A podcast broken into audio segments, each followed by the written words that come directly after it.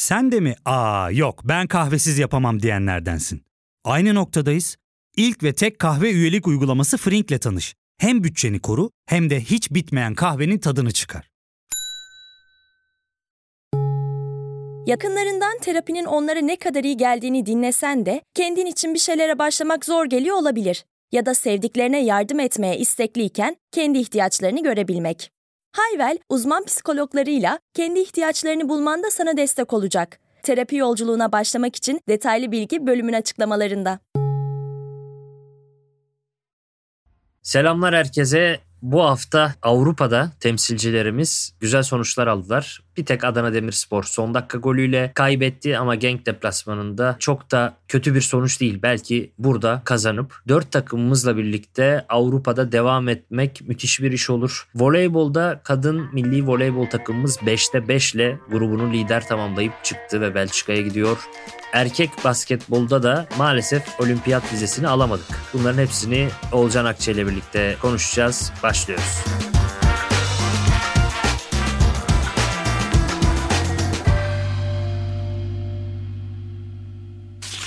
Olcan selamlar. Selam Sinan abi.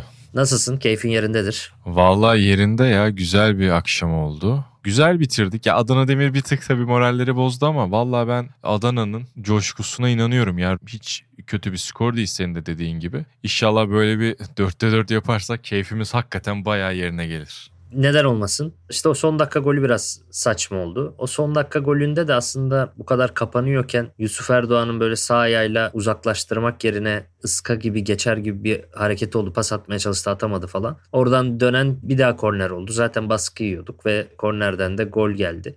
Yani öne geçmişsin Genk gibi çok zor bir deplasmanda. İkinci yarı öne geçmişsin hem de. Onu koruyamamak can sıktı. Yoksa 2-1 o kadar da kötü bir sonuç değil deplasmanda.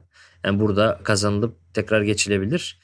Ben zaten şu bizim Türkiye'de son dönemde en böyle gözüme batan şey Türkiye'de yetişmiş oyuncuların ters ayağını kullanamaması. Yani ters ayakları sanki böyle zombi bacağı gibi falan davranıyorlar. Korkuyorlar yani ters ayağına top gelirse. Böyle bir panikliyorlar falan. O yüzden de böyle olmadık basit hatalar oluyor. Bunun işte bu arkadaşların da değil altyapıda bunun üzerine yeterince gitmeyen eğitimcilerin de suçu biraz. Maalesef yine bir ters ayak problemi Adana Demir maçında yaşandı. Adana Demir maçı diyorsun. Kendi tuttuğumuz takımlarda bile bunu sayabileceğimiz bir sürü örneğimiz var. Hakikaten zayıf ayak inanılmaz. Ve sadece Türkiye altyapısı da değil mesela Berkan Kutlu Avrupa'dan geldi buraya ve Berkan Kutlu'nun da mesela sahaya yok gibi bir şey. Mentalite meselesi galiba. Türk mentalitesi. Yer belli fark etmeden Türk mentalitesi her yerde kendini belli ediyor. Doğru. O zaman hangisiyle başlayalım? En farklı galibiyeti alan Fenerbahçe. Fenerbahçe ile başlayalım istersen. Olur. Mükemmel bir maçtı. Gerçekten coşku anlamında. Tabii kendime sormadan edemiyorum. Acaba Twente 10 kişi kalmasaydı ne olurdu? Yine Fenerbahçe açabilir miydi? Yine coşkulu oynayabilir miydi? Ama sonra bakınca özellikle İsmail Kartal'ın Bright Osay Samuel ve İrfancan hamlesinden sonra iş artık iyice coşkuya döndü. Ya birbirini net tamamlayan parçalar. Çünkü maç içerisinde o değişiklik gelene kadar birbirinin oyun tekrarı olmayan, o istikrarı yakalayamamış Mert ve Kent'i arka arkaya oynatmak zaten Tadic'in kanadına, Ferdi'nin kanadına net bir önlem alınırken ikinci opsiyonda sağ kenar olduğundan dolayı oradan tamamen kısır kaldı Fenerbahçe. İsmail Hoca çok da dakikaların geçmesini beklemeden bu hamleyi yaptı ve bu maçın skoruna bence direkt etki eden şey oldu. Bu arada kırmızı falan çok iyi dakikada geldi. 30-45 arası 10 kişi kalmış olmasa bile Twente böyle bir bir gol falan beni bayağı rahatlatacaktı şahsen. Takımı da rahatlattı. Sonrasında tamamen silindir gibi bir Fenerbahçe. Ben çok çok beğendim takımı. Ya bu Fenerbahçe'de aslında coşku eksikliği çok fazla vardı abi. Böyle haldır haldır rakibi boğan bir şekilde üstüne giden ama aynı zamanda tabii bunu yaparken toplu oyunda efektif şeyler sunan bir Fenerbahçe görmeyi bayağı almıştı. Georges Fenerbahçe'si de böyle haldır haldır çok aslında coşkulu ve sert dinamik bir takımdı fakat toplu oyunda değil o işi baskıyla çözüyordu. Bu Fenerbahçe set oyununda çok iyi. Yani ikinci ve üçüncü golde zaten birbirinin kopyası farklı kenarlardan geldi. Bu aslında ne kadar çalışılmış bir şey olduğunu bize gösterdi. Hep yayınlardan anlatmaya çalışıyorum. İç oynayan oyuncular, sol kanat ve bek oynayan oyuncular arasındaki üçgenler çok çok önemli. Mesela ilk golde sağ kanat İrfan Can Osayi'ye verdi. Sağ bek Osayi, sağ iç Şimanski'ye gol attırdı. Diğerinde de tam tersi bir durum oldu. Yine kat edildi. Bek oyuncusu çevirdi. İrfancan Kahveci orada gol attı. Yani çok çok hoşuma giden detaylar var cidden maçta. Kanat, bek ve iç oyuncusu arasındaki üçgenler dediğin gibi çok önemli. Ve İrfan gerçekten çok fark etti. Maç başlangıcında sanırım Engin Kehale söyledi. Esport'un yorumcusu. Twente'nin sol bekinde iki oyuncusu eksik ve orası hani onların problemli yeriydi. Ve dediğin gibi hem Mert Müldür hem Kent hem birbirini tanımayan hem hazır olmayan Kent'in zaten orijinal pozisyonu değil. Öyle bir ikili biraz onların zaafını kullanamamak gibiydi. Yine de 10 kişi kaldılar o bölgedeki problemleri nedeniyle. Ama İrfan ve Osay Samuel birbirini uzun zamandır tanıyan bir ikili girince bir de İrfancan bu sene çok daha iyi girdi. Geçen sezonlara göre. Fizik olarak çok iyi. Tabii motivasyon olarak da öyle. Onu tabii İsmail Hoca'ya bağlayan da var. İsmail Hoca ile İrfan'ın performansı bir önceki dönemde de yükselmişti hemen. E, şimdi de aynı şekilde yükseldi. Ve bak dikkat edersen bu oynadığı pozisyondan bağımsız yine sağ açık oynatıyor Jesus gibi İsmail Hoca da 8 numara oynatmıyor İrfan'ı. Zaten ikinci döneminde de sağ açık oynatıyordu. Mert Hakan ve Zayt'sı 8 numaraları yapmıştı. İrfan'ı yine sağ açık yapıyordu. Ve ben İrfan golleri atmadan önce tweet attım. İrfan çok iyi oynuyor diye yani bencil oynamıyor. Yani ben illa bir iş yapacağım falan demedi. Hep o sayıyı kaçırdı kaçırdı. Şimanski'nin golü yine İrfan'ın oradaki oyun kurmalarından geldi. Topu akıttı. Topun Fenerbahçe'de kalmasını sağladı. Bencil hiç oynamadı. Ki hani ben İrfan'ı çok eleştiririm ama bu sezona çok iyi girdi. Bu maçta da çok iyiydi. Asist yapmadı o da. Hani o sayıyı asisti yaptırdı. Asistin asistini verdi. Ondan sonra morali de yükseldi. Ondan sonra golleri de çok güzel attı. Gollerde bir de eksik olan bir şey arka direk koşuları. Yani oralara gelme, kutunun içine girme. Evet evet. Onları tamamlaması da onun açısından çok güzel. Zaten vuruş kalitesine diyecek bir şey yok. Yani teknik olarak top atma konusunda zaten çok usta bir adam. Bu işi geliştirdiği zaman, fizik kalitesini yükselttiği zaman, kafasını sahaya verdiği zaman en az Cengiz kadar özel bir futbolcu. Ama Cengiz'in olayı mesela İrfan'a göre çok daha istikrarlı bu işi yapması mesela. İrfan da umarım bu şekilde yükselir ama Kent'e göre çok net fark yarattı yani İrfanca. Evet. O koşuları bu repertuarına eklemesi önemli. Muhtemelen zaten bu bir talep. Az önce yani yayına girmeden de bir özeti de izleyeyim hadi dedim tekrardan. Tüm kanat oyuncularında bunu görüyorsun. Zaten bek oyuncuları da içleşiyor Fenerbahçe'de. Kanat oyuncuları da o kutu dediğin noktaya artı bir oyuncu olmak için ellerinden geleni yapıyorlar. Her pozisyonda var. Kimisi oyunu genişletmek için dışarıda bekler ama eğer işte kanat girmezse bek giriyor, bek girmezse kanat giriyor ve ceza sahası içerisinde her pozisyonda o 5 kişiyi görüyorsun. Yani özellikle İrfan profilinde bir oyuncunun bilirsin işte çizgiye kendini atar. Orada top alır bir şeyler üretmeye çalışır. İşte bir kavisli orta keser ya da içeri çekip şut vurur. Hani İrfan Can ceza sahası koşusu at. İşte forveti destekle arkadan. Gel sana yapılan serviste gol at falan. Bunları görmek güzel ama ben hakikaten futbolda istikrarın çok önemli olduğunu düşünüyorum.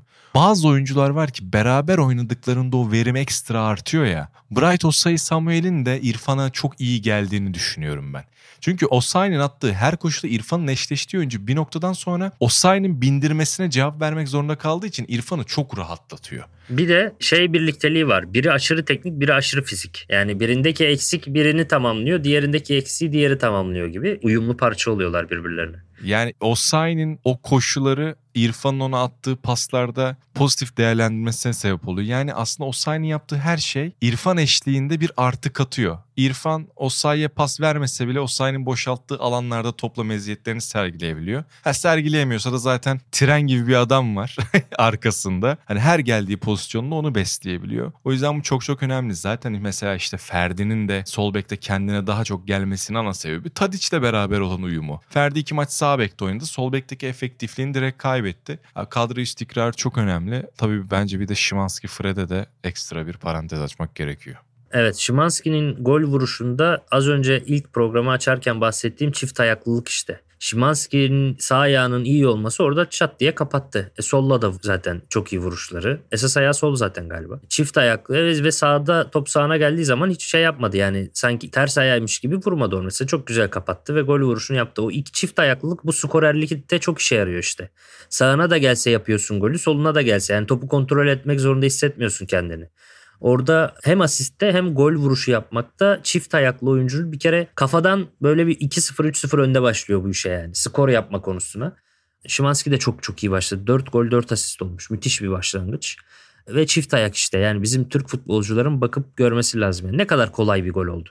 Yani şimdi mesela İrfan ne güzel goller attı. Sağ ayağına gelse aynı pozisyon atabilir miydi emin değiliz yani. Ama Şimanski'de şey olmuyor. Fark etmiyoruz ters ayağına mı geldi, düz ayağına mı geldi. İkisinde de rahat vurabiliyor. Ve çok fark ediyor bu ters ayak işi. Şimanski de güzel gidiyor. Bu arada onu söyleyecektim. Şey ekstra hoşuma gitti. İrfan ilk golü sağ ayağının içini çevirerek attı ya. Vay dedim yani.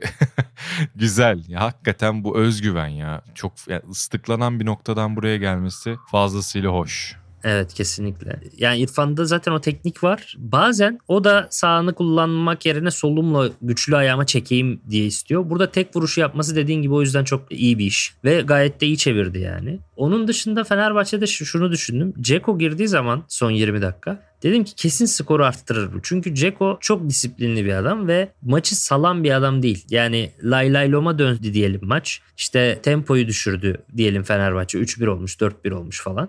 Ceko böyle durumlarda hiç salan bir adam değil. Aksine o koşuları atan, takım arkadaşlarını o hücuma çeken, sen de buraya koş, sen de buraya git diye onları zorlayan bir oyuncu ve o taç atışında mesela direkt o zorlamanın, o disiplinin karşılığı ve oradan da gelen gol. Yani Ceko gibi bir oyuncunun işte sende olması, sonradan da girse ilk 11'de başlasa böyle bir şey kazandırıyor sana. İkinci maçı mesela çok daha rahat oynayacaksın. Mükemmel bir lider her şeyle mükemmel bir lider. Ama ben Ceko'nun yanına tabii Tadic'i de eklemek istiyorum. Özellikle maçlarda şunu fark ediyordum ilk maçından beri bu arada. Oyunu hızlandırmak istiyor Tadic. Taçları kendi atıyor. Top toplayıcılara hadi topu ver hani bir an önce oynayalım ki gol de öyle geldi. Orada iki tane uyanık adam vardı o golde. Biri Tadic biri Ceko'ydu. Belki de başka oyuncuların eline ayağına gelse bu top biraz daha rölanti sakin olalım derken Tadic skoru daha çok arttırmak için o tacı erken kullandı. Ceko'nun asisti vesaire. Yalnız bu hissettiğimiz şey maç sonunda Fenerbahçe'nin resmi sayfasından da paylaşıldı. Tadic'in tarafındaki top toplayıcı çocuk bir röportaj vermiş.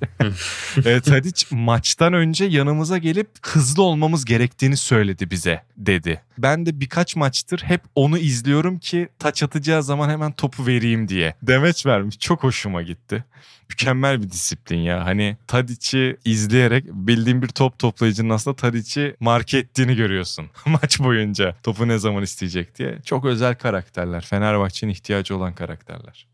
Öyle. Aslında iki takımımız da ilginç bir maç oynadı yani Galatasaray'da Fenerbahçe'de şöyle ilginç oynadı. İlk 30 dakikalarımız çok kötü. Yani Galatasaray'ın deplasmanda olduğu için yediği baskı ve fizik şey daha da fazla. Ama Twente'nin bu maçta yani Fenerbahçe Twente maçında da ilk 30 dakika kendi sahamızda oynadığımız için net bir pozisyon vermişiz. İki defa İrfan kurtarmış. 1-0 mağlupsun. O İrfan o topları kurtarması 2-0 olabilir. Aynısını Muslera da kurtardı. O da 2-0 olabilirdi. Çok önemli kurtarış yapmıştı Muslera da. Yani Molde daha şiddetli kurdu o baskıyı ama kendisi aslında. Burada içeride Twente'nin de bu pozisyonları bulması yani ikisini de çok benzer şekilde kabus başlangıç olarak nitelendiriyorum ilk 30 dakika. Fakat sonrasında iki takımımız da hem Fenerbahçe hem Galatasaray ilk yarının ikinci yarısından itibaren işte o 20'ler 25'lerden 30'dan itibaren bir sazı eline alıyor ve kalite koymaya başlıyor. Belki Fenerbahçe'nin şansı rakibin kırmızı kart görmesi olabilir. Galatasaray'ın şanssızlığı da orada Yunus'un golünün sayılmaması ve sonra da bir penaltı pozisyonu oldu. O da vardan döndü falan olmadı. Belki Galatasaray da 3'ü bulsa orada kırabilirdi rakipleri. Hem Molde olsun hem Twente olsun. Bunlar çok genç takımlar. Çok koşan, mücadele eden takımlar. Ard arda golleri yiyince de kırılan takımlar. Galatasaray biraz belki orada 3. golü bulsa belki daha rahat götürebilirdi işi. Bulamayınca 2'yi yedi. Çünkü adamlar güçlüydü. Bir de Twente'nin 10 kişi kalması bir de taraftar Fenerbahçe'nin taraftar avantajı iç saha oynamasının gücüyle çok güzel bir galibiyet oldu. 5'e kadar gitti. Ama temsilcilerimizi böyle bir 30 dakika bir soğuk duşta aldırdı fizik kaliteyle ilgili. Yani teknik kalite ve oyun aklı tecrübe olarak kalite bariz var. Yani Fred'deki oyun aklı olsun, Tadiş'teki, Ceko'daki oyun aklı olsun bariz. Teknik kaliteleri de bariz. Fizik kalite olarak bir sıkıntımız var. Galatasaray'da da aynı şekilde var. Bunu tabii şöyle de yorumluyorum. Temmuz-Ağustos aylarında fizik olarak tavan olmak da o kadar iyi olmayabilir. Yani bunu ben şey dönemlerinden biliyorum mesela. Valerian İsmail dönemi Beşiktaş'ı. E, Ağustos Eylül'de fizik olarak iyiydi. Sonradan sonbaharın sonlarına doğru sıkıntı. Daha iyisi Slavan Bilic. E, sezonun ilk yarısı canavar. Ağustos Eylül ayları canavardı. Az da Arsenal'i eliyordu işte ön elemede. Sonra Mart Nisan ayında Balıkesir'de bile diş geçiremiyordu lig sonuncusu. Yani düşüşler yaşanabiliyor. O süreçleri daha uzun hesaplamak da daha doğru olabiliyor. Hani o yüzden takımlarımızın işte Molde kadar, Twente kadar ilk 30 dakika koşamamasını biraz da anlıyorum. Yani çok da öyle enseyi karartmıyorum. Bekliyordum da. Bunların yaşanacağını zaten tahmin ediyordum ben. Ya çünkü Molde için, Twente için o gruplara falan gidip Molde için 31 milyon euro Şampiyonlar Ligi'nde almak piyango tutturmak gibi bir şey. Yani Molde'de para saçarlar yani caddelerde para dağıtı küçücük bir yer zaten. Para dağıtıp bütün herkes kutlama yapar yani Şampiyonlar Ligi gruplarına girsen. Yani son 10 yılların en önemli maçı falan belki yani. Tarihlerinin en önemli maçlarından bir tanesi onlar için. Galatasaray için de öyle tabii Şampiyonlar Ligi'ne uzun zamandır gitmediğin için ama düşük ölçekli takımlar adına Ağustos Eylül'ü en güçlü geçirmek zorundasın. Çünkü para o zaman geliyor. E, Twente için de aynı şekilde. Oradan alacağı 7-8 milyon euro çok para Twente için. O yüzden bizim takımlarımızın biraz daha hem rolanti de yapabileceği hem de kalite koyup kazanması gereken maçlardı. Bunu Beşiktaş da sağladı. Galatasaray Fenerbahçe de sağladı. İyi oldu. Ben TFF'nin de uzun süredir Türk futboluna verilmiş belki yegane doğru kararın bu hafta 4 takımın maçının ertelenmesi olduğunu düşünüyorum. Önemli çünkü yani şey yorumu da geliyor Oğulcan işte biz Premier Lig'deki takımlar 3 günde bir oynuyor biz niye oynamıyoruz falan gibi yorumlar geliyor. E biz Premier Lig değiliz. İyi değiliz. Yakınından bile geçemeyiz. Bizim oyuncularımız e, bu tempoları kaldıramıyor. Bu çok net. Hava sıcak, çim kötü, şu kötü, bu kötü. Elenelim mi yani? Aynen. Orada Twente falan ertelemese biz de ertelemezdik bu arada. Tam gaz devam ederdik yani. O biraz da teşvik oldu. Belçika da erteledi bu arada. Yani Genk de erteledi diye biliyorum. Çünkü abi çok önemli artık bu puanlar. Hakikaten çok önemli. Galatasaray'la devam edelim mi? Fenerbahçe'yle var mı söyleyecek bir şey? Yo Fenerbahçe ile ilgili söyleyeceğim bir şey yok. En son taç muhabbetiyle aslında bitirdim. Rövanş için çok çok iyi skor hani. İrfan Can için de bir parantez açalım çok güzel kurtarışından dolayı. İrfan Can'ı da tebrik edelim. Maçı çevirdi bu arada. Net yani. Evet. Onun dışında zaten parlak performanslar. Öyle çok göze batan negatif bir performans gördün mü? Osterwold sallandı doğal olarak onu anlıyorum yani. Bazen sol bekte oynadığını sanıp orta sahaya kadar falan da çıktı etti. Ama yani yine de gol çok büyük bir sürpriz oldu. Şaka gibi bir goldü gerçekten ama sonra toparladı. Ya bu stoperde oynanınca galiba çok çıkmak gerekmiyor gibi bir şeye kapıldı. Bir de Ciku çok toparladı onu. Ben Ciku'yu çok beğeniyorum. Çok güvenli oynuyor. Ciku benim için şey abi her maç 10 üzerinden 7-7.5'unu sana verir yani bir şekilde. O tarz bir stoper olduğunu düşünüyorum. Bir de lider bir stoper olduğu için çekip çeviriyor. Osterwolde biraz daha belki Beka ile oynasa daha çok zorlanır. Ciku etrafını yöneten tipte bir stoper. Ben İsmail Hoca'nın da Mert Müldür'ü değil Osterwolde'yi stoper yapması yapmasını doğru buluyorum. Çünkü Osterwolde maç ritmi olarak hazır oyuncu. Mert daha hazır olacak bir de pozisyon dışı oynayacak falan. Yani geçmişte var stoper oynamıştı da çok geçmiş artık yani 3-4 sene önce oynamış. O yüzden hocanın doğru karar verdiğini düşünüyorum. Galatasaray'da da şöyle girebilirim bu arada. Oraya da geçiş yapayım. Ya Molde'yi çok beğendim. Beklediğimden çok daha iyi çıktı. Yani bu kadar pas bağlantılarını iyi yapan bir takım beklemiyordum ben açıkçası. Hani özellikle ilk yarım saat hakikaten sirküles etti Galatasaray'ı. Oyuncular topsuz oyunda çok iyiler. Birbirlerinin pas opsiyonlarını çok iyi yaratıyorlar. Hani birçok pozisyonda senin de kafanda canlanacaktır. 4-5 pasta direkt ceza yayın oraya gelebildiler Galatasaray'a karşı. E tabi bu biraz da Torreira'nın yokluğuyla da bağlantılı. Bunu zaten aksini iddia edemeyiz. Ama yine de Galatasaray'a karşı Molde'nin bu kadar üstünlük kurmasını ilk etapta beklemiyordum. Hakikaten iki temsilcimiz için de akşamları şanslı geçti. Hani Twente oyuncusunun acemice bir hatası kırmızıyı getirdi. Sergio Oliveira'nın baraja çarpan frikiyi iyi ki çarptı da girdi o top. Yoksa daha büyük bir sıkıntıya evrilebilirdi. Hani Molde'yi açmak biraz daha zor olabilirdi. Neyse ki Galatasaray'ın yüzüne güldü şans. E sonrasını zaten Icardi alışılagelmiş bir şekilde getirdi. Yani o nasıl bir goldü ben hakikaten anlamadım yani. Gerçekten olağanüstü bir gol vuruşu yine. Arkasından gelen topun yönünü değiştirip havada kontrolsüz vurmak falan. Çok çok ekstra işler. Üçüncü goldeki asisti de göğsüyle çalım atması, stoperi geçmesi falan ve fazla kilosuyla bu hareketleri yapması çok. Bir de 90 artıda yapması. Çok üstün bir zeka gerçekten. Yani oyun zekası, içgüdü ne denirse olağanüstü yani.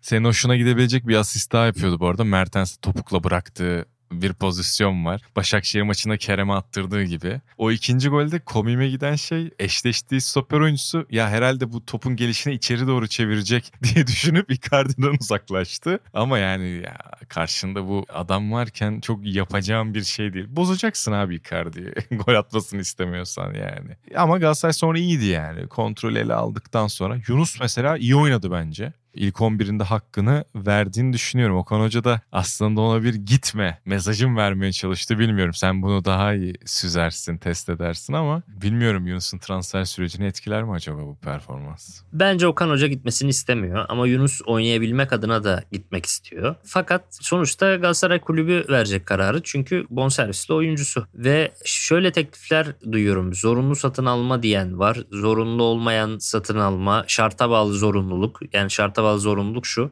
E, Yunus gittikten sonra maçların en az yarısında oynayacak ve Leicester Premier Lig'e çıkarsa 9 milyon euro daha gibi. Bence zorunlu olmayan 1-2 milyon euroluk opsiyonlarla gitmesi o kadar iyi bir durum değil. Çünkü altyapıdan oyuncu koyman lazım UEFA listesine. Ve Yunus eldeki Emin Bayram'la birlikte iki oyuncudan bir tanesi. Onu çıkardığın zaman UEFA listesine bildirdiğin kadro sayısı azalıyor. Bundan 2 sene önce Beşiktaş Şampiyonlar Ligi'ne gitti 2-3 yıl önce. 8-10 tane bir sakatlık verdi perişan oldu. Yani sonuçta yedek kulübende Yunus gibi bir oyuncun olsun istersin öyle sakatlık problemleri falan olduğunda. Hani daha zengin bir kulübeye ihtiyaç duyarsın 3 kulvarda gidiyorken ve 1-2 milyon euro için de Yunus'u kulübeden gönderilmez yani. Ha 7-8-9-10 gönderirsin anlarım tamam kabul ederim. Ama 1-2 milyon kiralık için yok işte şarta bağlı vesaire. Sonuçta Yunus senin hani göndermek istediğin bir oyuncu değil ki. Misyo falan durumunda değil yani. Elden çıkarayım diye bakmıyorsun sonuçta. O yüzden oradaki karar biraz muallak açıkçası. Yani Yunus ille de gitmek istiyorsa ve iyi bir teklif getirirse tamam ama 1-2 milyona da bence gitmesi o kadar mantıklı olmayabilir. İlk yarı çok iyi oynadı özellikle Yunus. İkinci yarı biraz düşmüş olabilir oyundan. Yorulmuş veya fizik olarak direnememiş olabilir. Çünkü rakibin sol beki canavar gibi bir şeydi. Hauge canavar gibi geldi yani oradan. Hatta ikinci golde de Molde'nin ikinci golünde de Yunus pek takip edemedi orayı.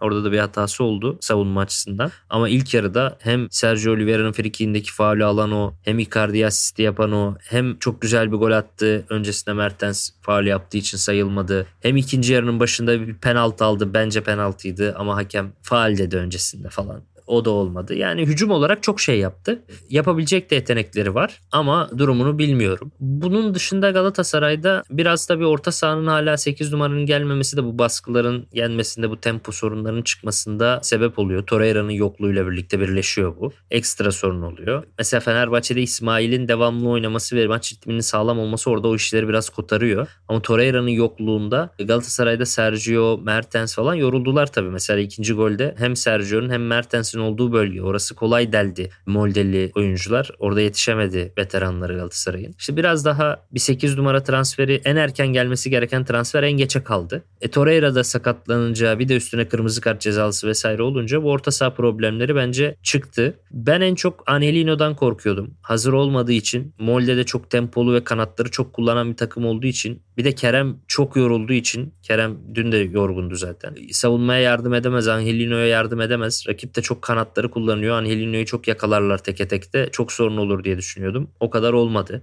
Angelino'da da yavaş yavaş bir toparlanma görülüyor. Bence o pozitif bir durumdu. Icardi'nin üstünlüğü, oyun zekası, Muslera'nın üstünlüğü bunlarla birlikte Galatasaray'da iyi bir şekilde o maçı çevirdi ama Nelson aksıyor. Onu söylemem lazım. Yine kötü bir deplasman. Olimpik Ljubljana deplasmanında da kötüydü. Zalgiris deplasmanında da kötüydü. Bu deplasmanda da 3 elemenin 3 deplasmanında da Nelson çok kötü oynadı. Transfere bağlıyorsun diye düşünüyorum bu durumu. Belki ama yani açıkçası yani Zalgiris döneminde biraz kilolu geldi Nelson. Biraz kilo vermesi vesaire biraz fiziksel olarak kötü geldi. Bir de o Zalgiris maçında çok büyük bir hata yüzünden gol yedirince bence özgüven olarak da bir yara aldı. Ve o yara biraz onu şimdi zorluyor. Tekrar kafa olarak özgüven olarak toparlaması gerekiyor belki Nelson'un. Yani geçen senenin başında hatırlarsan Abdülkerim'de de öyle bir şey olmuştu. Sonra bir iki iyi maçla toparladı. Yani şimdi fizik olarak kiloları veriyor. Fizik olarak toparlıyor belki. Ama kafa olarak o özgüvende göremiyorum. Geçen seneki, bir önceki seneki yani son iki senedeki Nelson özgüveniyle oynamıyor. Bence bir iki iyi maça ihtiyacı var. Onlar geldikten sonra toparlanır diye düşünüyorum açıkçası. Sana şunu soracağım. Merak ediyorum fikrini. Şimdi Galatasaray'ın kadro planlamasına baktığın zaman bu maçlarda en çok aksayan bölgenin ben orta saha olduğunu düşünüyorum ki zaten oraya takviye gelmediği sürece ve işte Torreira'nın olmadığı her anda bu merkezin aksaması çok çok normal bir durum. Zaten aslında benim Galatasaray'ın transfer stratejisine heyecanlanırken bir yandan da negatif baktığım konu şu aslında öncelik olmayan pozisyonların çok fazla şişirilip ana eklemenin gelmesi gereken pozisyonun hala boş kalıyor olması. Şimdi düşünüyordum ki Kerem Demirbay'ı mı acaba 8 numara olarak kullanmak istiyor Galatasaray ama şu an görüyoruz ki gerçekçi bir durum değil. Torreira'nın olduğu senaryoda abi senin bu 8 numarada Galatasaray kesinlikle şu profile gitmeli dediğin oyuncu tipolojisi ne? Atıyorum Sergio gibi toplu oyunda daha iyi pasör, derin bir oyun kurucu mu? Yoksa işte Genduzi adı geçiyor. Genduzi gibi daha oyunu tempoyla oynayan ama pas konusunda toplu oyunda o kadar da topsuz oyun kadar iyi olmayan bir oyuncu mu? Çünkü benim kafamda şekillenen şey şu. Galatasaray'ın ilgilendiği oyunculara bakıyorum. Galatasaray'ın bu Avrupa maçlarındaki, lig maçlarındaki zorluk yaşadığı anlara bakıyorum. Bu takımın %100 bence pasör bir 8 numara ihtiyacı var. Ama Parades dışında neredeyse ilgilenilen bütün oyuncular nispeten çok daha tempolu, topsuz oyunları daha kısıtlı oyuncular. Yani aslında kağıt üzerinde baktığında Torreira'ya biraz daha yakın profiller. Sen nasıl bir eksiklik görüyorsun orada? Oğulcan soruna cevap vereceğim ama önce küçük bir ara verelim. Döndüğümüzde cevapla Tamam. devam edeceğiz. Ya fark ettin mi? Biz en çok kahveye para harcıyoruz. Yok abi, bundan sonra günde bir. Aa, sen Frink kullanmıyor musun? Nasıl yani? Yani kahvenden kısmına gerek yok. Frink'e üye olursan aylık sadece 1200 TL'ye istediğin çeşit kahveyi istediğin kadar içebilirsin. Günlük 40 TL'ye sınırsız kahve mi yani? Çok iyiymiş. Aynen. Hatta şu anda 200 TL'lik bir indirim kodu da var. E hadi hemen indirip üye ol da bu fırsatı kaçırma. Terapiye başlamak, içinden çıkamadığın döngüleri kırmak, bazı yanlış bulduğun kararlarını değiştirmek ve kendinle beraber daha huzurlu bir yaşam inşa etmek için atabileceğin en değerli adımlardan biri. Hayvel ile yoğun yaşam tempona uyum sağlayarak online terapi seanslarını takvimine göre ayarlayabilirsin. Bini aşkın uzmandan sana en uygun terapisti seçebilir, PodB10 koduyla indirimden yararlanabilirsin. Detaylı bilgi açıklamalardaki bağlantıda. Şimdi çok güzel bir konuya değindin çünkü Galatasaray'ın burada ciddi bir sıkıntısı var. Galatasaray şu anda 25 kişilik bir kadroya sahip fakat Şampiyonlar Ligi'ne 23 oyuncu bildirebiliyor. Çünkü 4 tane altyapı oyuncusu yok. 2 tane var Yunus ve Emin. Yunus da ayrılırsa 22 kişi bildirebilecek. 25 kişiden 2 kişiyi şu anda çıkarması gerekiyor. Kadroda çıkmaya en yakın oyuncular Frederic Mitsio ve Halil Dervişoğlu. Şu anda Ziyehler, Zahalar falan tam olmadığı için onlar dışarıda kaldı. Mitsio ve Halil de içerideydi ama onlar geldiği zaman, döndüğü zaman otomatik olarak Mitsio ve Halil çıkıyor. Mitsio ve Halil'in çıkması etkilemiyor takım. Fakat yeni bir 8 numara aldığın zaman şu anda ana kadro içerisinde baba oyuncu olarak gördüklerinden bir tanesi daha çıkmak zorunda kalıyor. Örneğin ya Sergio Oliveira'yı çıkaracaksın ya yeni transfer ettiğin Kerem Demirbay'ı çıkaracaksın ya Berkan Kutlu'yu çıkaracaksın ki Berkan da çıkabilir çıkmasına da Berkan da defansif orta saha oyuncuları arasında bir, bir o var Torreira'nın alternatifi. Yani düşünsene Torreira sakatlandı o zaman Kerem Demirbay Sergio Oliveira orta sahasıyla mı çıkacaksın Şampiyonlar Ligi deplasmanına falan o da bir sıkıntı yani. Bir ihtimal ben şey bekliyorum olabilirse diye Salih Özcan için bastırıyorlar. Salih Özcan gerçi böyle biraz hafif yalanlamış ama Berkan'ın Serie A'ya satılıp belki Salih Özcan'ın transferi alternatif 6 numara da olur yeri gelir yan yana da oynarlar gibi diye de düşünüyorum ama başka böyle daha üst düzey bir 8 de bakıyorlar. O 8 gelirse belki Kerem Demirbay'a yani sen Avrupa'da olma Türkiye'de ol. Sergio Oliveira'da sen Avrupa'da olursun Türkiye'de az oynarsın gibi bir şeye gidebilir. Çünkü 4. 5. alternatif falan olacaklar. Tüm bunlar dışında bir de Talişka ismi geçiyor. Onu hiç ama hiç anlamıyorum. Çünkü Talişka'yı da koyduğun zaman denkleme o zaman Kerem Aktürkoğlu'nu mu dışarıda bırakacaksın? Mertens'i mi kadroya almayacaksın mesela? Çok mantıklı değil ama geçiyor çokça Talişka ismi. Ramos'u anlıyorum. Ramos Nelson'u satarlarsa Ramos'u alacaklar. Onu da bir gidenin yerine alacaklar ama Talişka'nın gelmesi durumunda bilmiyorum ne yapacaklar. Yani Mertens'i mi satacaklar? Başka bir şey mi var? Çok isim geçiyor ama ilk alınması gereken o Torreira'nın yanına gelecek olan 8 numara hala alınmıyor. Nasıl bir profil alınmalı diye sordun. Bence Felipe Melo gibi bir profil alınmalı. Yani daha böyle 6 numara özellikleri de olan. Torreira zaten kısa, çabuk, atlet, her yere koşturan tipte bir oyuncu. Onun yanına bence uzun boylu, ebatlı, Melo tipi, aynı zamanda ayağı da kötü olmayan, diagonal toplarla oyunu da yönlendirebilen, sakin de soğukkanlı da olan bir oyuncu. Bence Torreira ile bunlar çok iyi bir ikili olabilirler. Bir de bu iki oyuncunun hücumdan çok savunma yapsınlar ve düz pas atıp hücuma versinler yeter diyorum. Çünkü Ziyeh de çok ofansif bir oyuncu, Zaha da çok ofansif bir oyuncu. Kerem Aktürkoğlu da öyle. Icardi de öyle. Bu öndeki dörtlüye geriden o kadar hücum desteği gerekmiyor yani. Ama bu hücum dörtlüsünü taşımak için çok savunma gerekiyor. Keşke Melo gibi bir oyuncu bulunabilse. Ben mesela Fred'i de beğeniyordum. Olur diyordum Fred'in dinamizmi ve defansif katkısından dolayı. Fred'de bir tek takım boyu zaten çok kısa. Angelino da kısa, Torreira da kısa Galatasaray'da. Fred de kısa olur diye bir öyle bir endişem vardı. Ama dinamik, iyi savunma o pozisyon için. Bir de mümkünse uzun boy fizikle alan kaplama. Çünkü duran toplarda da ihtiyacı var Galatasaray'ın uzun bir orta sahancısına. Öyle bir profile gidilebilirse, yeni bir Felipe Melo bulunabilirse ben çok oturacağını düşünüyorum o pozisyona açıkçası. Ya o profil ilk günden beri Torreira'nın yanına benim en yakıştırdığım hatta adı geçenler içerisinde tek yakıştırdığım açıkçası Paredes'ti. Çünkü bence senin anlattığın profile de fazlasıyla uygundu. 6 numara olabilen, fiziksel yanı da olan aynı zamanda iyi de bir pasör Paredes'ti. Ama transfer süreci o kadar fazla uzadı ki zaten Roma yaptı en sonunda. Valla bilmiyorum ama bence orada kaçan balık büyük oldu. Yani biraz da oyuncunun kendi yokuşa sürmesi, biraz Galatasaray'ın belki de istenilen bedelleri çıkmaması falan ama niyeyse transfer dönemi başından beri ya nasıl olur da Torreira'nın yanında bu kadar net tamamlayacak bir profil varken Paredes biraz daha zorlanmaz. E, buna pek anlam verememiştim. O yüzden senin düşünceni de merak ettim. Hani çünkü Parades ayarında ve tipinde oyuncu özellikleri barındıran gerçekten kimseyle ilgilenmiyor Galatasaray. Ya da adı geçmiyor. Ya belki de aniden birini indirecekler yani.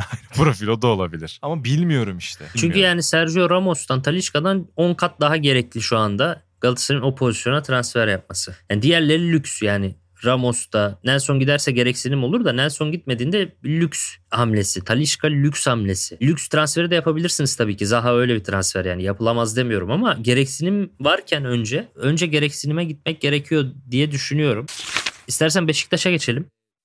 Ben Beşiktaş'ın rakibinin Dinamo Kiev'i Molde ve Twente'den geride buluyordum. Çünkü Dinamo Kiev hani şey tarihiyle geçmişiyle vesaire onların önünde kulüp de. Hocasıyla da yani Lucescu'yla da onlardan ön, önde kulüp ama Dinamo Kiev Ukrayna'daki savaş yüzünden doğru düzgün bir maç takvimini çıkaramadıkları için işte şimdi mesela Romanya'da oynadılar maçı. Yani adamlarda o devamlılık kalmadığı için güçten düşüyorlar haliyle. Yani hepsi Ukraynalı oyuncular kadrodaki isimler birçoğu ayrılıyor. Zaten geçen senenin mesela yaz dönemini hatırla Fenerbahçe'yi eledikleri turda Dinamo Kiev bayağı iyi takımdı. Sonra grupta eşleştiler Fenerbahçe ile. Kıbrıs takımının bile ar- arkasında kalmışlardı Limassol'un. Çünkü oynamıyorlardı. Ritim düşüyor haliyle. Bir yere kadar şey yapabiliyorsun.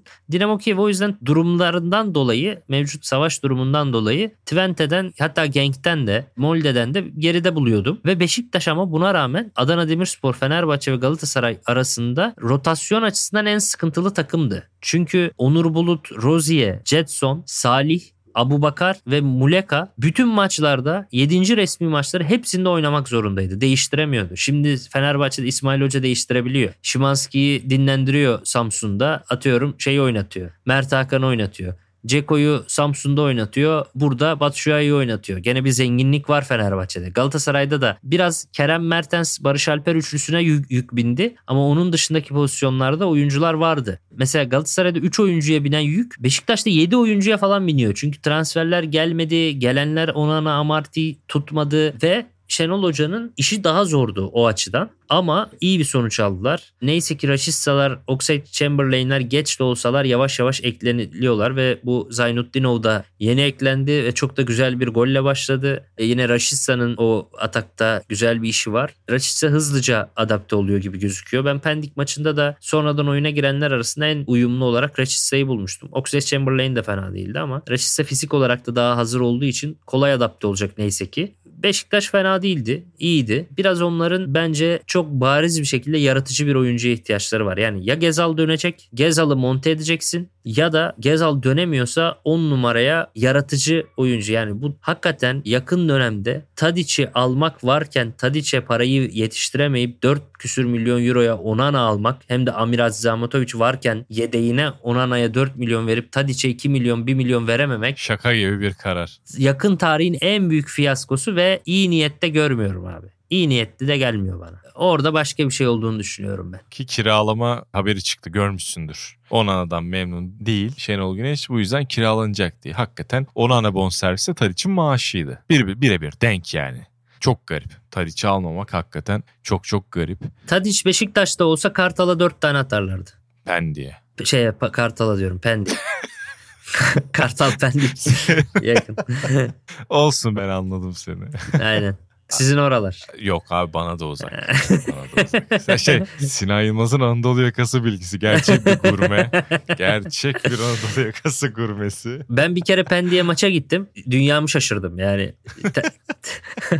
Ben de Başakşehir stadına gidince öyle hissetmiştim. git git bitmiyor arkadaş. Git git git bitmiyor. Nereye yapmışlar bu stadı? Bu yıl gidersin yine birkaç kere. Olabilir. Geçen sene Ümraniye'ye gittim. Ama bir kere gitmiştim. Bakalım belki Pendik'e de gideriz.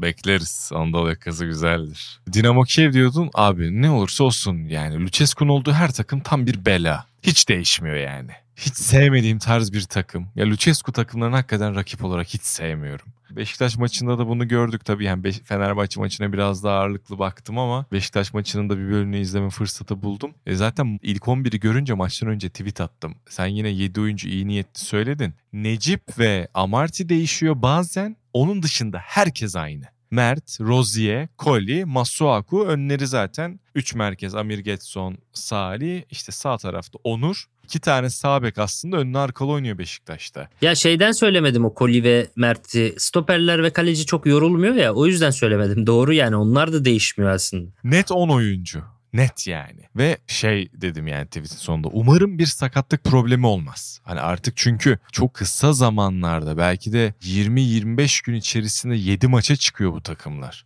Bu çok normal değil yani. Zorluk seviyesi de yüksek maçlar. Bakma hani belki ilk turlardaki rakipler kolaydı falan ama Beşiktaş'ın öyle çok rahat çok rahat geçen bir maçı olmadı şu ana kadar. Ligdekiler de dahil, Avrupa'dakiler de dahil. Biri çok güzel bir şey söylemişti. Şimdi maalesef hakkını teslim edemeyeceğim çünkü unuttum. Beşiktaş 8 tane transfer yapmış ama hiç transfer yapmamış gibi gözüküyor diye. Hakikaten doğru ve taraftar asla bu durumdan memnun değil. Bence Şenol Hoca da hiç memnun değil. Oynatamıyor ki adam. Yani 8 transfer yapmış hepsi dışarıda. İlk 11'e koyamıyor yani. Ya burada hocada da aslında biraz problem var. Bu Şenol Hoca'nın oldum olası ya ben bildim bile en azından. Bu yeni transferleri minimum bir bir ay oynatmaması hakikaten onun huyu gibi. Yani mesela Rebic neden oynamıyor? Rebic hiç hazır değil ya. Oynattığı bir iki maçta da çok kötü gözüküyordu. Yani hiç hazır değil. Ben mesela orada Şenol Hoca'ya şundan kızıyorum. Ya bu Amarty'yi Onana'yı alırlarken sen niye hiç izlemiyorsun abi? Yani niye müdahale olmuyorsun yani? Bu Ceyhunlardan Meyhunlardan 100 kat daha iyi bildiğin kesin futbolu. Ya niye ya? Ben mesela amatör halimle 4 saat izledim Amarty'yi. Dedim yani alınabilecek en kötü stoper Premier Lig'de Necip'ten daha iyi olmayan bir tane stoper varsa onu bulmuşlar. Yani 100 kişi arasında doğru adamı tespit etmişler. Alkışlamak lazım yani. Çok zor bir iş sonuçta. Koskoca Premier Lig'de Necip'ten iyi olmayan bir stoper bulabilmek hani böyle samanlıkta iğne arayıp bulmak gibi bir şey. Çok büyük başarı yani. Yani bunu hoca izlese 3-4 saat der ki Amarty almayalım der yani. Bugün de bir bombayı yaptı. Maç 2-2 miydi neydi? Son 10-15 dakika çıkarken bir hata yaptı. Evet Getson kapadı. Aynen Jetson çok iyi bir koşuyla geldi geriye. Bence orada hocanın problemi müdahil olmaması. Yani biraz müdahil olsa daha iyi transferler yapılır diye düşünüyorum. Şenol Hoca biraz şey değil mi? Yönetim alsın ben zaten oynatırım bir şekilde. Ya bir de Oğulcan büyük hayal kırıklığı benim açımdan. Hocaların antrenör ekipleri çalışmıyor.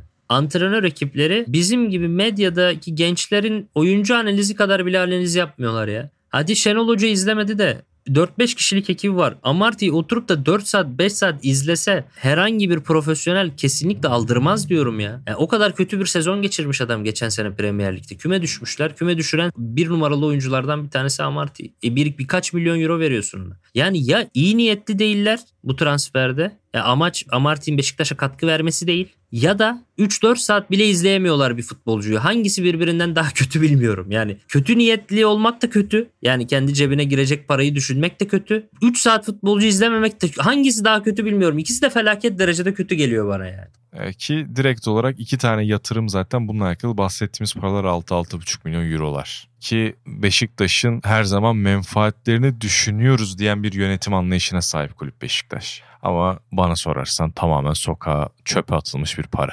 Özellikle Onana eklemesi. Ben hakikaten bir Beşiktaş taraftarı olsam Onana konusuna çok ciddi tepki gösterirdim. Gösteriyorlar zaten adamlar haklı olarak. Oynamıyor adam ya. Oynamıyor yani. Zaten Amir'i kesemez. O ayrı bir konu da. Hani sonradan gir bari girdiğinde bir şey yap. Ama orada bir Burak Yılmaz şeyi olduğunu düşünüyorum ben bu arada. Medyada yazıyor. İyi bir iyi de bir rapor vermiş. Lille döneminde galiba beraberlerdi zaten Onana ile beraber. Orada demek ki öyle bir şey var yani. Bilmiyorum. Valla garip geliyor bana. İşte bu Kamerunlu olduğu için Abu Bakar mı söyledi? Ne oldu? 4 milyon euro nasıl olabilir? Ya acil 10 numara, yaratıcı 10 numara ihtiyacım varken Amir'in 6 numarasına arkasına 4 milyon yatırım yapmak bir deli saçması bir şey. Sen önce yaratıcı 10 numaranı al. Bak o yaratıcı 10 numaran olsa ikinci hafta atarsın 4-5 golünü gidersin. Daha ikinci haftadan puan kaybı. Ya tamam korner top çıktı çıkmadı vesaire ayrı mesele de ikinci yarı Pendik'e karşı şeyi kaybediyorsun. Oyunu kaybediyorsun. Ki Pendik bir hafta önce 5 taneymiş Hatay'dan. Yani bir yaratıcı bir 10 numaran olsa 3'e 4'e gideceksin. Farka gideceksin. Ama yok. Öyle bir transferi mutlaka artık Beşiktaş'ın yapması lazım. Belki de Talişka'yı bu kadar bekletirken ıskalıyorlar da puan da kaybediyorlar. Bir an önce iyi bir 10 numara ya Pendik'te giren Oscar Romero bile o şeyi fark ettirdi yani. Nasıl Beşiktaş'ın nasıl bir oyuncuya ihtiyaç duyduğunu Pendik'te giren oyuncu fark ettirdi Oscar Romero. Beşiktaş'ın da öyle bir transfer yapması lazım. Mesela Belhan da Beşiktaş'ta olsa şu anda Adana Demir'deki. Beşiktaş'ın oyun gücü böyle ikiye falan katlanabilir yani. Tam öyle oyunu organize edecek bir oyuncuya ihtiyaçları var. Tabii canım Belhanda lüks bile kaçar. Underrated. Çok beğeniyorum. Vallahi bir şey söyleyeyim mi? Şu an Torreira'nın yanında olsa hayır der misin ya? Ben işte biraz daha savunmacı bir adam lazım olduğu için şey derim. Yoksa hani Belhanda olsa güzel olabilir tabii niye olmasın. Ya Belhanda Oliveira kadar katkıları olmuş bir oyuncu ya. Yani Belhanda'nın takımı Oliveira'nın oynadığı takım kadar büyük bir takım değildi. Güçlü bir takım değildi. Belhanda'nın oynadığı zamanlardaki Galatasaray bu kadar iyi değildi. Hani o yüzden Belhanda bir de kaliteli oyuncu birlikte oynadığı oyuncular kalitesi arttıkça daha da parlatıyor ya. Belhanda'da öyle bir şey vardı yani. Bence öyle bir takımda oynasa daha da fark yaratabilecek bir oyuncuydu. Aynen öyle. İstersen diğer branşlara geçelim. Evet orada kısaca değinmeden olmaz. İki tane milli takımımızla alakalı durumlar var. Bir tanesi erkek basketbol milli takımımız zaten konuşmuştuk olimpiyat önelemeleri oynuyordu. Orada finale kalmıştık ama Hırvatistan'a maalesef mağlup olarak finali kaybettik. Bu önelemenin de önelemesiydi yani. Hani bunu eğer bu finali kazansaydık bir eleme oynamaya daha hak kazanacaktık. Ama şimdi böyle olduğu senaryoda maalesef 2024 yılının takvimi içerisinde milli takım boş geçirecek böyle bir maç programı vesaire olmayacak. Sadece yanlış bilmiyorsam Şubat ayında yine maçlar olması gerekiyor ama yazı falan tamamen boş geçirecek. Kötü oldu yani zaten bu arada 70 senedir falan biz olimpiyata gidemiyoruz erkek basketbolda. Bu sebeple beklenti biraz var. Çünkü takım baktığında 3-4 maç hakikaten iyi performans gösterdi. Uzun zamandır milli takım heyecanı yaşamayanlar için çok iyi bir kafileydi bu aslında bizim takımımız. Ama Hırvatistan'da da ciddi bir güç farkı oldu maalesef. Bir de seninle geçen sezon basketbolla alakalı konuşurken şey derdim sana özellikle Euroleague finalinden bahsederdim maalesef bazı şeylerin favorisi olmuyor ve basketbolda günlük performans tek şeyli maçlarda çok daha belirleyici. O gün şutların girmezse hiçbir şansın yok zaten ama öyle bir gün olur ki nereden atarsan at girer.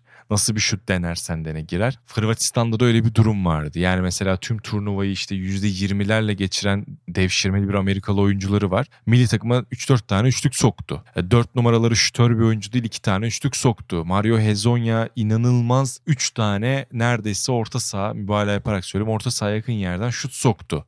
İşte Alperen Şengün erkenden üçledi. Çok fazla kullanamadık derken şanssızlıklar. E, Hırvatistan'ın daha yüzdeli sokması derken maalesef finali kaybettik. Ama iyi bir jenerasyon yakaladık. Bunu hep konuşuyoruz. Bu iyi jenerasyonun da ben ileriki dönemde milli takım adına çok iyi şeyler yapacağını düşünüyorum. Ama yüzümüzün güldüğü bir taraf var. Kadın voleybol takımımız artık alıştırdı bizi zaten. Dünyanın en iyi takımı. Hiç tartışma, kıyas kabul etmez. Zaten bu Apolite'de sahip bir ekip. Şu an Avrupa Şampiyonası oynanıyor. Kızlara da gerçekten helal olsun. Bu yazı neredeyse dinlenmeden geçiriyorlar.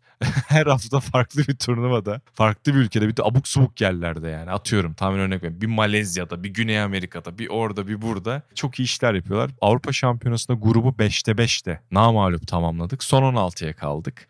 Hakikaten önümüzde kimse duramıyor. Umarım dünya şampiyonluğu sonrasında bir de Avrupa şampiyonluğu alırsak voleybol sezonunu büyük bir gururla kapatıyor olacağız diyebiliriz. Bu arada voleybol konusunda hep söylemek istediğim bir şey var hazır lafı geçmişken söyleyeyim. Aslında bizim dezavantajlı olduğumuz bir spor coğrafya açısından. Bizim insanlarımızın boy ortalaması kısa hem erkekte hem kadında. Ve yani biz mesela Kuzey Avrupalılar gibi boy ortalamamız uzun değil hem erkek hem kadın açısından. Fakat nüfusumuz çok yoğun ve mesela futbol gibi boy ve fizik çok gerektirmeyen yani kısa insanların da iyi yapabildiği sporlarda aslında daha fazla şeyimiz var. Havuzumuz daha geniş futbol gibi. Fakat futbolda yakalayamadığımız başarıyı dezavantajlı, fizik açısından dezavantajlı olduğumuz bir sporda yakalayabildik. Çünkü aslında belki de o mesele kalabalık ve yoğunluk değil. Mesele o branşa, o spor dalına doğru yaklaşımı bulabilmek ve burada bence böyle bayrak insanlar veya bayrak olaylar insanların toplumun yaklaşımını, bakış açısını etkileyebiliyor. Dangal diye bir film var.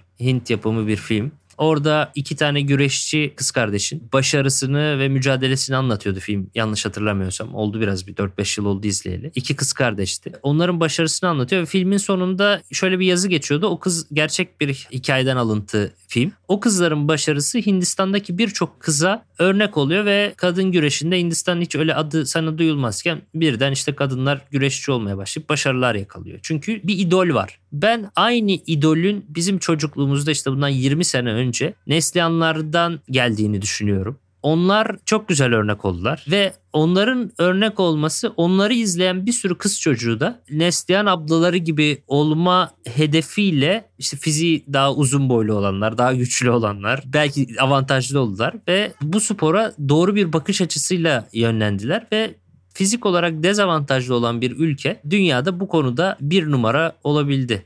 Çok özel bir şey. Şimdi bugün bu başarıyı yakalayan, Ebrarları izleyen, Zehraları izleyen kızlar, belki benim kızım mesela 20 sene sonra da onlar umarım böyle bir başarıyı götürebilir. Çünkü böyle başarılar birbirini tetikliyor. Yani hep diyoruz ya işte Litvanya tam bir basketbol ülkesi vesaire diye. E görüyorsun çünkü sürekli o, o isimlerle birlikte büyüyorsun. Onları örnek alıyorsun ve o jenerasyon devam edebiliyor. Umarım bizim de yine 20 sene sonra da devam eden jenerasyonlarımız olur. Nasıl Neslihan çok güzel bir şekilde temsil etti, başarılar getirdi Neslihan ve onun jenerasyonu arkadaşlar. Şimdiki grup da aynı şekilde temsil ediyor ve geleceğe güzel tohumlar ekiyor. Umarım gelecekte de bu şekilde devam ederiz. Bir voleybol ülkesi olarak güçlenerek devam ederiz diyeyim. Çok güzel konuştun abi. Vallahi helal olsun. Bundan sonra amatör branş kısımlarını sana devrediyorum. Biraz duygusal, biraz dobra, iyi bir konuşma. Ama maşallah bizim kızlarımız da boy ortalamaları 1.95. Evet. evet. yani. Canavar gibi. Ama bu arada Vargas'a bir parantez açmam lazım. Hakikaten inanılmaz seviye atlattı takıma yani. İnanılmaz. İzlemekten keyif alıyorum. Öyle söyleyeyim. Tebrik ediyoruz tekrar. Gurur duyuyoruz. Ağzına sağlık Oğulcan'cığım. Senin de abi. Ben şimdi 4-5 gün tatile gidiyorum. Aha çok şaşırdım. İnanılmaz şaşırdım ya. Bir farklılık olur sana da. Malum hiç tatil yapmadığın için. Son bir yapayım sonra okul başlıyor. Kumsal Hanım'ın okulu başlıyor zaten. Eylül geliyor artık. Önümüzdeki hafta yine kavruk bir tenle görüşmek üzere diyelim o zaman. Yok ben stüdyoya gelmeyeceğim artık. seni, kavruktan da görmek istemiyorum. Ama 4 Eylül 10 Eylül arası ben de yokum. Bir iş seyahatindeyim. Yine iş seyahat. Evet, ben kim tatil yapacağım Allah aşkına. o yüzden sen benim yerime de yapmış ol. Bakalım göreceğiz kavruk tenini. Haftaya görüşürüz. Görüşürüz abi.